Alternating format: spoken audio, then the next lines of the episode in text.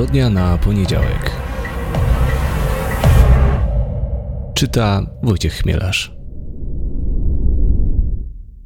Dzień dobry Państwu, tutaj Wojciech Chmielarz i witam Państwa w kolejnym odcinku podcastu Zbrodnia na poniedziałek. Po raz ostatni słyszeliśmy się bodajże miesiąc temu. Wtedy powiedziałem, że sobie robię przerwę wakacyjną, ale być może e, jakoś e, będę nowe odcinki co pewien czas e, wrzucał, nieregularnie. No i po miesiącu postanowiłem nagrać nowy odcinek, wrzucić nowy odcinek, a to trochę z powodu tego, że bodajże 10 sierpnia, jeśli dobrze pamiętam, ale podejrzewam, że książkę będzie można dostać troszeczkę szybciej, bo tak to zazwyczaj jest. Wychodzi książka pani Anne Rule pod tytułem Morderca z nad Green River. Anne Rule już powinna być znana Państwu, powinna być znana polskim miłośnikom True Crime, ponieważ jest autorką książki wydanej, no chyba równo właśnie rok temu, Ted Bundy, Bestia obok mnie i to jest taki gigantyczny reportaż na temat Teda Bandiego i jego zbrodni. Notabene e, tam i obie te książki ja polecam na, na okładce. I Teda Bandiego, i Mordercę z nad Green River. Notabene właśnie też, bodajże odcinek 17 mojego podcastu jest poświęcony postaci Teda Bandiego, gdzie opowiadam o jego prawdopodobnie pierwszym i ostatnich e, zbrodniach, więc jeśli coś o Tedzie Bandym chcą się Państwo dowiedzieć, to zapraszam do słuchania. Bodajże 17 odcinek, jeśli się mylę, to niedużo. E, natomiast no, opow- ta książka Morderca z nad Green River, no to jest właśnie też reportaż True Crime, jest to reportaż o Garym Ridgewayu, e, czyli no, jednym znowu z najsłynniejszych, z najbardziej znanych seryjnych zabójców e, w historii Stanów Zjednoczonych. Człowieku, który przez lata był nazywany, no nosił taki niechlubny rekord, najwięcej ofiar zabił. On się przyznał do 49 morderstw, i, ale oczywiście podejrzewa się, że tych morderstw było, było więcej. E, no i tam ten reportaż y, Morderca z nad Green River Unrule, no to jest świetna rzecz po prostu, tak, tak krótko powiem i tutaj każdy miłośnik true crime powinien po to sięgnąć. To jest taka bardzo drobiazgowa kronika no blisko dwudziestoletniego śledztwa e, w sprawie mordercy z nad Green River. Tam jest krok po kroku opisane, jak policja szukała mordercy z nad Green River, jak ta operacja policyjna wyglądała. I to jest niewiarygodne, bo to pokazuje, jak taki, tak, tak, ten reportaż, ta książka pokazuje, jak takie śledztwa są koszmarnie trudne, jak wiele wysiłku wymagają, jak wielu ludzi jest w to E, zaangażowanych, jakie ogromne koszty to generuje, bo ta, to śledztwo kosztowało miliony, miliony dolarów i koniec końców się okazuje, że e, o sukcesie lub nie decyduje często, nie chcę powiedzieć, że przypadek, ale taka ciężka policyjna, żmudna robota, która nie ma nic wspólnego z tą rzeczywistością, o której czytamy. Teraz sam sobie może szkodzę, ale o której czytamy w powieściach kryminalnych, albo z tą rzeczywistością, którą widzimy w telewizji czy na filmach. No i takie to właśnie było śledztwo, gdzie okazało się, że sukces przyniosła taka żmudna policyjna robota, wracanie non-stop do tych samych spraw i do tych samych wątków, e, rok po roku szukanie mm, kolejnych wątków, sprawdzanie tych wątków, szukanie i zbieranie śladów. To, co mnie jeszcze w tej książce bardzo ujęło, to jest to, że Unrule stara się bardzo szczegółowo opisać, opowiedzieć nam coś o każdej z 49 ofiar e, Garego Ridgwaya. I no, to jest dla mnie ważne, tak? To jest dla mnie ważne, szczególnie od kiedy, zwracam na to uwagę, od kiedy przeczytałem, no to jedną z najważniejszych książek True Crime, jaka pojawiła się w Polsce w ostatnich latach. Mam tutaj oczywiście na myśli 5 Hali y, Rubenhold. To jest książka, w której Hali Rubenhold opowiada rekonstruuje życiorysy kobiet zamordowanych przez Kubę rozprywacza i trochę to samo robi w swoim reportażu Unrule. Dzięki temu te ofiary przestają być już po prostu kolejnymi cyferkami w spisie ofiar e, mordercy z nad Green River. to jest o tyle dla mnie ważne, że no, jest coś niepokojącego w tej naszej fascynacji seryjnymi zabójcami, seryjnymi mordercami, e, w zastanawianiu się, ile mają ofiar. E, ci, te ofiary, znaczy ci, ci zabójcy po prostu stają się słynniejsi od swoich ofiar. To jest trochę to, o co im chodzi bo im zależy na tym, żeby, żeby być, e, bardzo często zależy im na takiej sławie. Zresztą troszeczkę o tym dzisiaj będziemy sobie e, opowiadali, e, więc dobrze jest opowiadać o ich ofiarach, pokazać kim one były, kim oni byli, bo to przecież nie zawsze są kobiety, jakie były ich losy, dlaczego stali się ofiarami seryjnych zabójców. Bardzo to jest ważne, więc bardzo się cieszę, że Enrule ten trud podjęła. No więc, y, jak już się Państwo domyślają, dzisiaj sobie opowiemy o mordercy z nad Green River. Natomiast no nie będę opowiadał całej tej historii, bo Unrule zajęło to kilkaset stron. E, ja się skupię na dwóch takich wątkach, które akurat w tym reportażu no bardzo słabo są opisane, słabo w sensie mało jest im miejsca poświęconych. E, nie do końca wiem dlaczego, e, ale pewnie dlatego, że po prostu nie da się opisać wszystkiego.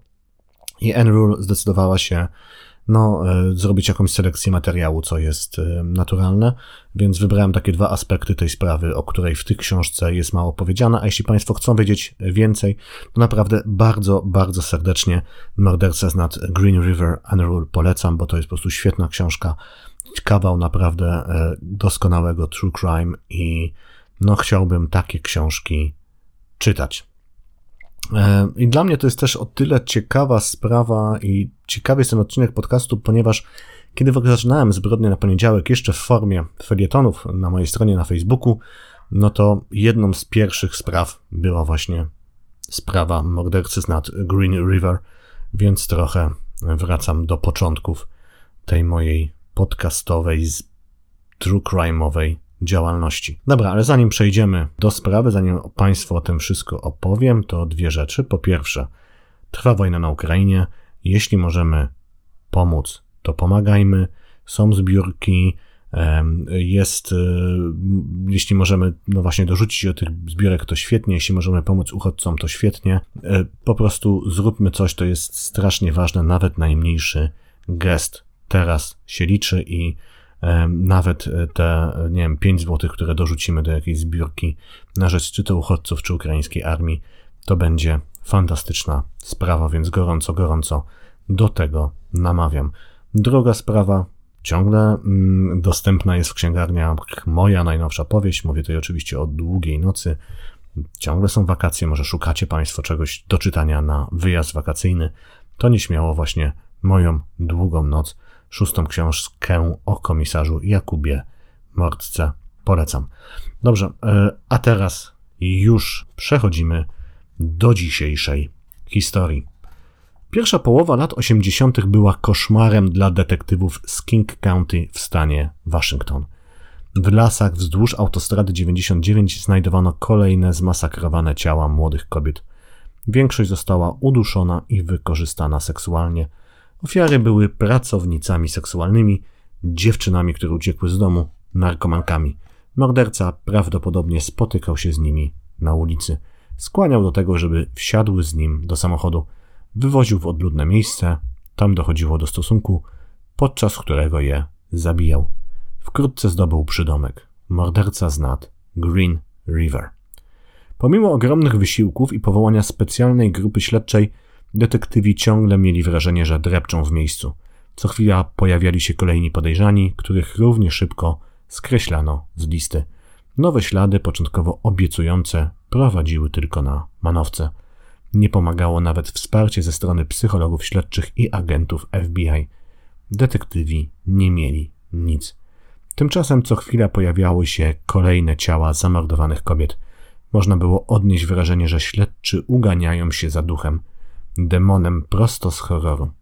Policjanci byli gotowi zrobić dosłownie wszystko, byleby tylko zdobyć jakikolwiek trop, który doprowadziłby do schwytania sprawcy. I w takich okolicznościach w 1984 roku jeden z nich, Robert Keppel, otrzymał list od człowieka, który uważał, że ma unikalną wiedzę na temat zabójcy z nad Green River i był gotowy się nią podzielić. List pochodził od kogoś, kto chciał zostać naszym konsultantem.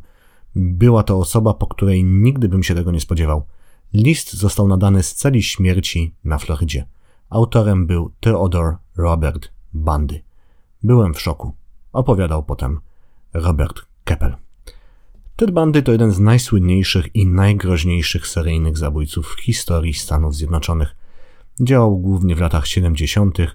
w Colorado, na Florydzie, e, w stanie Oregon i bodajże w stanie Waszyngton.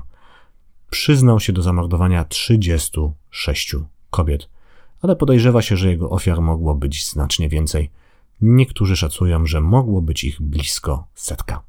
Został schwytany na Florydzie pod koniec lat 70., a następnie skazany na karę śmierci. W momencie, kiedy skontaktował się z detektywami ze stanu Waszyngton, oczekiwał właśnie na jej wykonanie. Nie pytaj mnie, dlaczego uważam się za eksperta w tym temacie. Po prostu zaakceptuj, że nim jestem i od tego zaczniemy. Napisał bandy w liście do innego z detektywów, którzy pracowali nad sprawą do Davida Reicherta.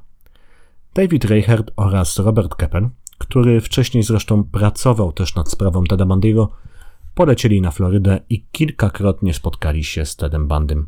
Opowiadał im, kim według niego jest morderca z nad Green, Green River, jakie ma cechy, czym się kieruje w swoich działaniach, jakie ma plany, co będzie robił.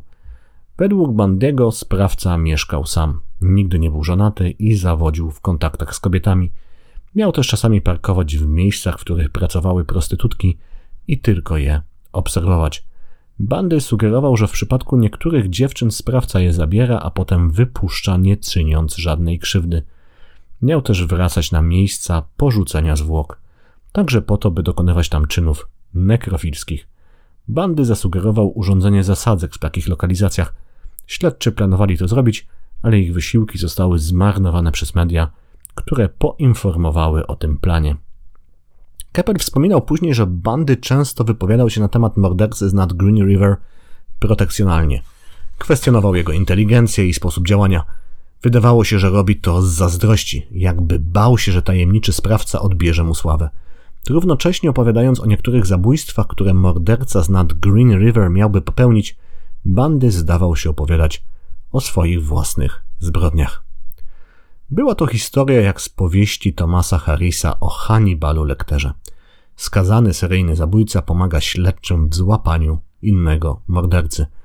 Robert Keppel napisał zresztą książkę o swoich przeżyciach. Ukazała się w połowie lat 90. Twierdzi w niej m.in., że Bandy zwrócił się z ofertą pomocy bezpośrednio do, do niego i tylko z nim chciał rozmawiać. Dopiero potem dołączył do niego David Reichert. W internecie zaś do dzisiaj można znaleźć artykuły na temat tego, jak Ted Bundy pomógł złapać mordercę z nad Green River. Tylko, że to nie jest do końca prawda, a właściwie niewiele w tych doniesieniach, w tej interpretacji tej historii prawdy. Morderca z nad Green River, Gary Ridgway, został schwytany w 2001 roku było to możliwe dzięki żmudnej, kosztującej miliony dolarów i wysiłku detektywów śledczej pracy.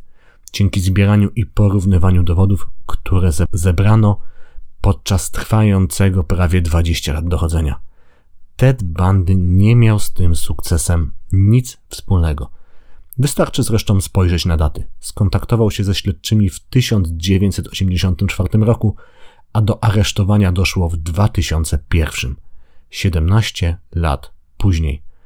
Tak, wiele z sugestii, które wysunął bandy podczas tych spotkań, okazało się być prawdziwych, ale równocześnie były one na tyle ogólne, że w żaden sposób nie pomogły śledczym zwęzić grona podejrzanych. Dodatkowo także bandy się mylił. Według niego morderca miał być samotny, nigdy nie był żonaty i zawodził w kontaktach z kobietami. Co nie było prawdą. Ridgway był żonaty trzy razy – Wchodził też w kilka innych mniej lub bardziej poważnych związków. E, I teraz tak, trudno go nazwać podrywaczem, tak? Trudno powiedzieć, że musiał się odpędzać od kobiet. Natomiast niewątpliwie to jego życie uczuciowe, relacje damsko-męskie, e, on sobie z nimi radził. On sobie z nimi radził, naprawdę. Zresztą y, z tą ostatnią żoną był żonaty przez wiele, wiele lat i ten związek ona przynajmniej uważała za bardzo satysfakcjonujący i bardzo szczęśliwy. W tej książce, o której, y, od której zaczęliśmy nasze spotkanie, czyli od mordercy z Nad Green River, y, Anna Rule opisuje tam jego inne związki, inne kontakty z kobietami. No i naprawdę to jest człowiek, który nie miał z kobietami problemu. Gdzie bandy z kolei miał rację? No faktycznie e, Gary Ridgway wracał od czasu do czasu na miejsca, gdzie porzucał zwłoki. Faktycznie e, zdarzało się, że zabierał ze sobą e, prostytutki i po wszystkim, nie robiąc ich, im żadnej krzywdy, E, odwoził je na miejsce. Robił to, jak tłumaczył potem, po to, żeby gdyby zostanie złapany, gdyby były jakieś podejrzenia względem jego osoby, żeby mieć takie alibi, tak, żeby mógł powiedzieć, patrzcie, tutaj jest dziewczyna, ona ze mną parę razy jeździła, parę razy jej płaciłem za seks, dalej żyje, nic jej nie stało, nic jej nie zrobiłem, ona potwierdzi, że jestem dobrym człowiekiem. Natomiast raz jeszcze powtórzę, te, te, te, te opinie E, Bandiego były po prostu na tyle ogólne, że w żaden sposób nie popchnęły sprawy do przodu, w żaden sposób nie pomogły śledczym. Grego Ridgwaya udało się złapać w zupełnie inny sposób. Dodatkowo osobiście uważam, że Ted Bandy tak naprawdę nie dysponował żadną wyjątkową wiedzą na temat mordercy z nad Green River. Prawdopodobnie do takich samych lub podobnych wniosków mógł dojść po analizie zebranego materiału dowodowego każdy trochę bardziej doświadczony śledczy. Dlaczego w takim razie Ted Bundy skontaktował się z detektywami z King County? Prawda jest taka, że Bandy, podobnie jak prawie każdy przebywający w celi śmierci skazaniec, o jednym głośnym wyjątku prawdopodobnie muszę przygotować kiedyś osobny odcinek, walczył o życie. Kiedy droga prawna została wyczerpana, pozostało mu tylko jedno wyjście odwlekać wykonanie wyroku. Dlatego nieustannie sugerował, że zabił znacznie więcej kobiet niż było mu przypisywane. Zapraszał do siebie policjantów i detektywów ze wszystkich stanów, w których kiedykolwiek działał i opowiadał im, że jest gotów podzielić się wiedzą na temat nierozwiązanych spraw.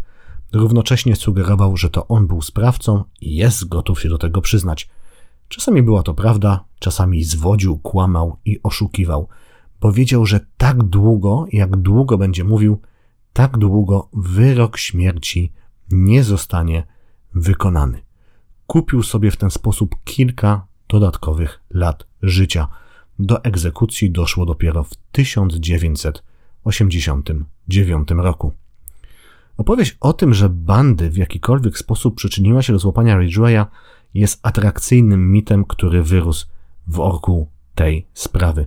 Stał się pożywką dla kolejnych artykułów prasowych, książek, a nawet filmów. Znaczące jest, że, że o udziale Bandiego w sprawie chętnie opowiada Robert Keppel, który, jak wspominałem, napisał na ten temat książkę, a dużo bardziej wstrzemięźliwy jest David Reichardt. Tylko, że właśnie jest pomiędzy nimi taka różnica, że David Reichardt to był ten policjant, ten detektyw, który pracował przy tej sprawie właściwie od początku do końca i to on w 2001 roku zatrzymał Ridgwaya. Reichert właśnie, który spędził wiele dni rozmawiając i przesłuchując Ridgwaya, w wywiadzie dla New York Timesa zwrócił uwagę na podobieństwa pomiędzy oboma mężczyznami. Po pierwsze, brak wyrzutów sumienia. On nie ma żadnych uczuć względem kogokolwiek, w tym swojej własnej rodziny. To widziałem u Bandiego, to samo widziałem u Ridgwaya. Obaj jednak mieli być, w cudzysłowie, dumni ze swoich osiągnięć. Ridgway miał nawet podczas jednego z przesłuchań powiedzieć, że jest dobry w jednej rzeczy. I tą rzeczą jest zabijanie prostytutek. Podobnie jak pan Bandy, opowiadał Reichert, pan Ridgway pragnął uwagi i poczucia kontroli.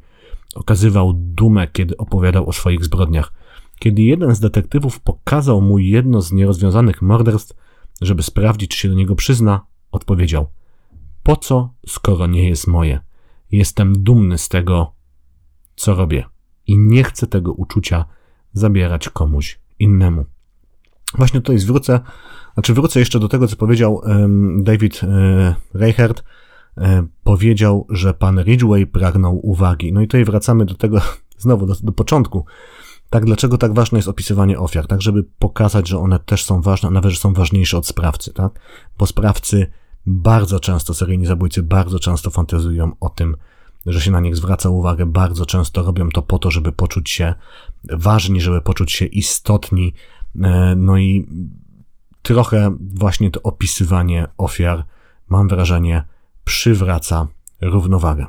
Gary Ridgway przyznał się do zabicia 49 kobiet. Ponieważ poszedł na współpracę ze śledczymi, uratował się przed karą śmierci i został skazany na dożywocie. Tak jak wspominałem, podejrzewa się jednak, że ma na koncie znacznie więcej ofiar. Natomiast opowiadając o domniemanej pomocy Teda Bundy'ego w tworzeniu profilu zabójcy z nad Green River, dochodzimy do pytania, przynajmniej ja sobie to pytanie zadałem, czy śledczy dysponowali innym, bardziej profesjonalnym profilem. No i okazało się, że tak, stworzył go już w 1980 roku sam John Douglas, współtwórca tej e, jednostki w FBI, która zajmuje się profilowaniem seryjnych zabójców, pierwowzór głównego bohatera z serialu Mindhunter. Zresztą właśnie autor kilku książek o swoich przeżyciach, no i jedna z nich została, czy chyba dwie zostały wydane w Polsce, a może nawet więcej, ale dążę do tego, że jedna z nich miała właśnie ten tytuł Mindhunter i tej, jej wydanie się zbiegło z e, wydaniem serialu. Douglas z tego, co pamiętam, pracował tworząc profil na podstawie zdjęć i materiału dowodowego zebranego z pięciu pięciu pierwszych morderstw, znaczy z, z tego miejsca, gdzie znaleziono ciała i z wiedzy na temat pięciu pierwszych ofiar. Generalnie jednak Douglas e, raczej się swoją pracą przy tej sprawie nie ma co chwalić. Jego pierwszy profil, według śledczych z King County, był na tyle ogólny, że, i to jest cytat, pasowała do niego połowa mężczyzn zamieszkujących King County. Po zdobyciu kolejnych dowodów i po kolejnych zabójstwach profil został poprawiony przez Johna Douglasa w 1984 roku. Nie został z tego co wiem ujawniony. Pojawiają się tylko jakieś takie ogólne informacje na temat tego, co się w nim znajdowało. E, też był oceniany jako zbyt ogólny i pomijające kluczowe cechy sprawcy. To sztuka, a nie nauka, powiedział sierżant John Urquhart, rzecznik prasowy biura szeryfa w King County. Z tego co zrozumiałem, po rozmowach z członkami grupy śledczej nie przykładali do niego wielkiej wagi. Sam John Douglas notabene czuł się, czuje się skrzywdzony takimi komentarzami, natomiast trzeba przyznać, że niewątpliwie tutaj nie ma po prostu żadnych, żadnych wątpliwości. Nawet sam John Douglas e, tych wątpliwości nie ma. Popełnił jeden poważny błąd.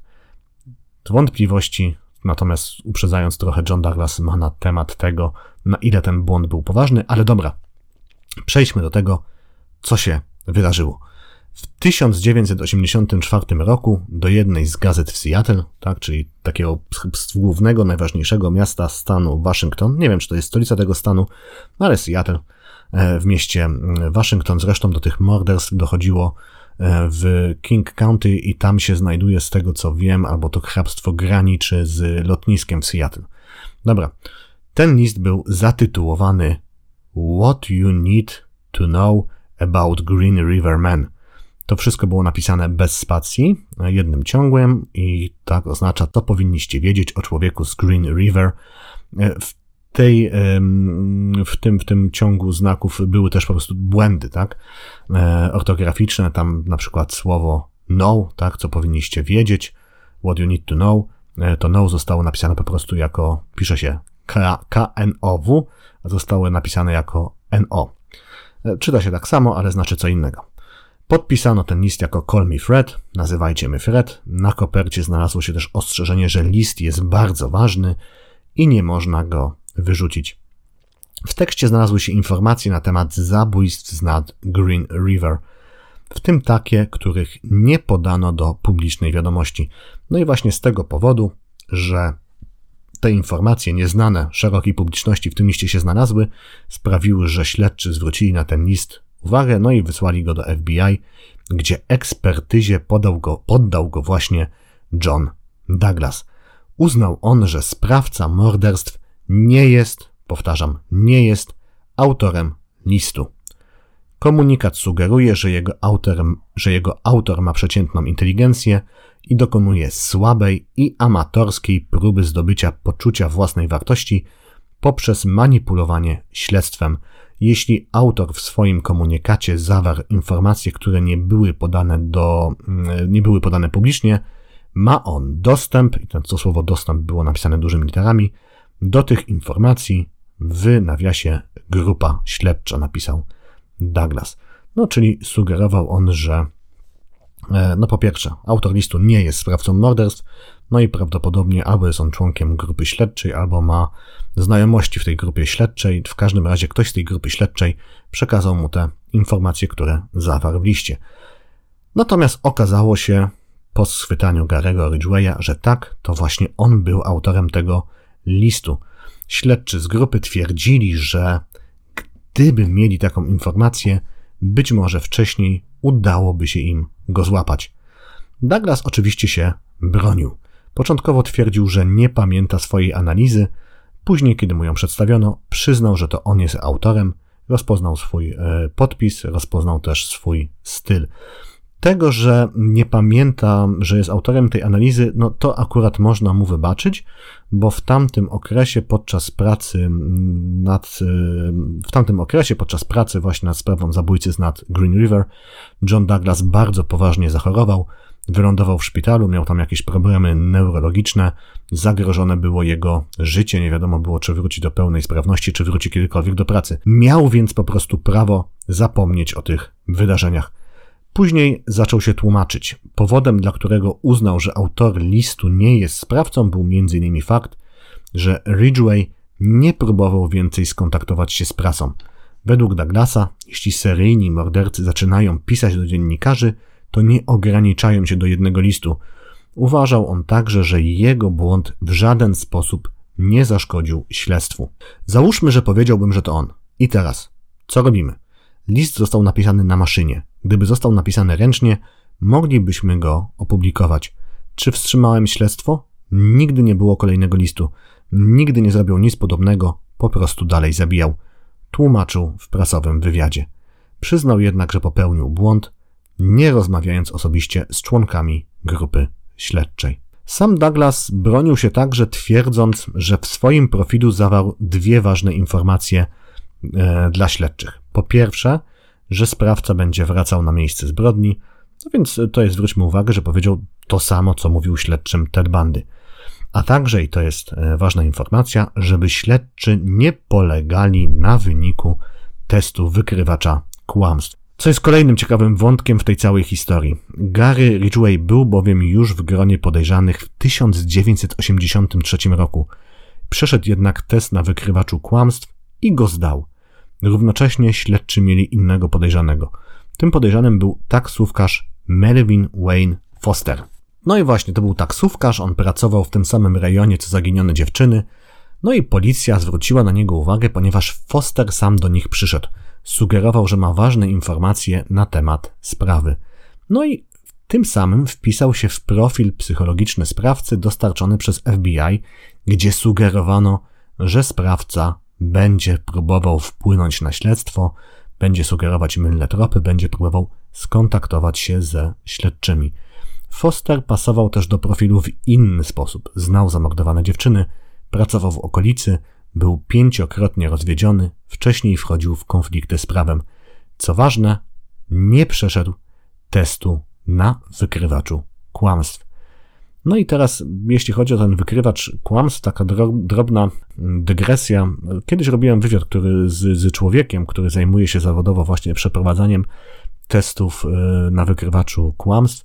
No i zadałem mu pytanie, czy tą maszynę da się oszukać. No i on mi opowiedział ciekawą rzecz, że no to maszyna jak maszyna, ona rejestruje pewne parametry i maszyny oszukać się nie da, bo Po prostu ona robi to, do czego została stworzona, czyli rejestruje, rejestruje pewne pa parametry. Natomiast zwrócił uwagę, że e, potem te zapisy z tej maszyny, one są interpretowane przez człowieka, który ten test na wykrywaczu kłamstw e, prowadzi. Ten test może być źle przeprowadzony, taki wzorcowy test powinien trwać kilka godzin. Przez te kilka godzin, te początkowe kilka godzin, to jest taka zwykła rozmowa, której e, celem jest e, skalibrowanie, jak mi tłumaczono, tej maszyny. To znaczy zobaczenie, jak przesłuchiwany reaguje na różne sytuacje, jak reaguje w sytuacji stresowej, jak się, jak reaguje na swobodną rozmowę, jak się zachowuje, no po prostu jak poruszamy różne tematy, tak dzięki czemu po prostu sobie potem możemy to porównać, jak już przechodzimy do tego właściwego przesłuchania. Ja oczywiście nie wiem, jak były przeprowadzone te testy na wykrywaczu kłamstw przez, w, podczas przesłuchania Fostera, podczas przesłuchania Ridgwaya. Nie mam takiej wiedzy, natomiast jest to ciekawy wątek, że znowu to nie wygląda, prawidłowo przeprowadzony test nie wygląda tak jak na filmach.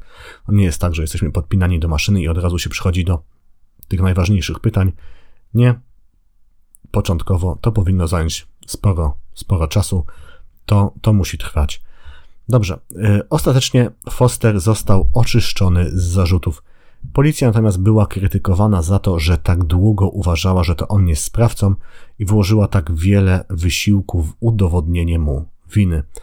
I wydaje się, że przynajmniej część tej krytyki jest słuszna. Dochodziły tam też względy, powiedziałbym, ambicjonalne. Foster miał się wielokrotnie wspinać z o 10 lat młodszym Davidem Reinhardtem, którego przesłuchiwał. I to pomimo tego, że zalecenia mówiły, że przesłuchujący detektyw powinien być co najmniej w tym samym wieku co przesłuchiwany. Prawie doszło też do rękoczynów. Tam pojawiły się takie sugestie w różnych artykułach, że panowie wręcz umawiali się na solówkę. Po latach Foster przyznał, że nie ma do Reicherta żalu. Nie kocham Reicherta jak brata, ale szanuję go jako oficera policji, powiedział w prasie Foster. Ten koleś to pitbull, kiedy raz zatopi w czymś szczęki, nie puszcza. No i być może dzięki tej cesze charakteru David Reichard w końcu w 2001 roku złapał zabójcę z nad Green River. Dobrze, więc to było tych kilka wątków, o których Państwu chciałem opowiedzieć a propos właśnie z tej, tej bardzo znanej, bardzo głośnej sprawy. Wątków może troszeczkę mniej e, znanych. Jaki z tych wątków morał, że myślę, że takich różnych sensacyjnych opowieści trzeba podchodzić z dużą podejrzliwością. Naprawdę jest mnóstwo artykułów, jest nawet film o tym, jak Ted Bundy niby pomógł złapać mordercę z nad e, Green River. Mi się wydaje, że te opowieści to przede wszystkim jest pewien taki policzek dla wszystkich policjantów, dla wszystkich stróżów prawa, dla wszystkich detektywów, którzy przy tej pracy, przy tej sprawie naprawdę bardzo ciężko pracowali. Tam naprawdę udział Teda Bandiego był znikomy. Być może nawet zaszkodził, bo po prostu zajmował detektywom czas, który mogli poświęcić na coś innego. Jest też kwestia profili e, psychologicznych, tego na ile one są trafne. To jest w ogóle profilowanie e, sprawców, profilowanie kryminalów. Profilowanie kryminalne no to jest temat rzeka.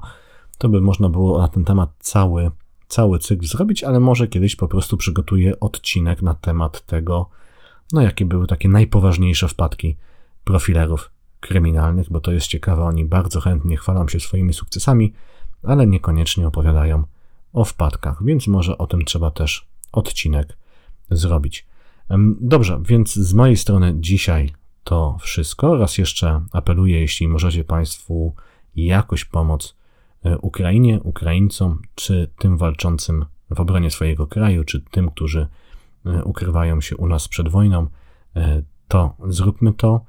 Przypominam, w księgarniach jest dostępna Długa Noc, moja najnowsza powieść, szósta część cyklu o komisarzu Jakubie Mordce.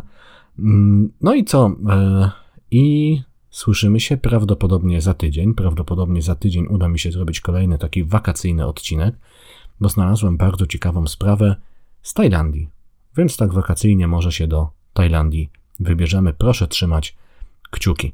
E, ze swojej strony, co mogę jeszcze powiedzieć? Mogę jeszcze zaapelować, że jeśli słuchacie tego podcastu, podoba Wam się to, komentujcie, szerujcie, dzielcie się nim, oceniajcie. Ja za to bardzo będę wdzięczny. A teraz już dziękuję Państwu za uwagę i do usłyszenia mam nadzieję, za tydzień. Pozdrawiam serdecznie.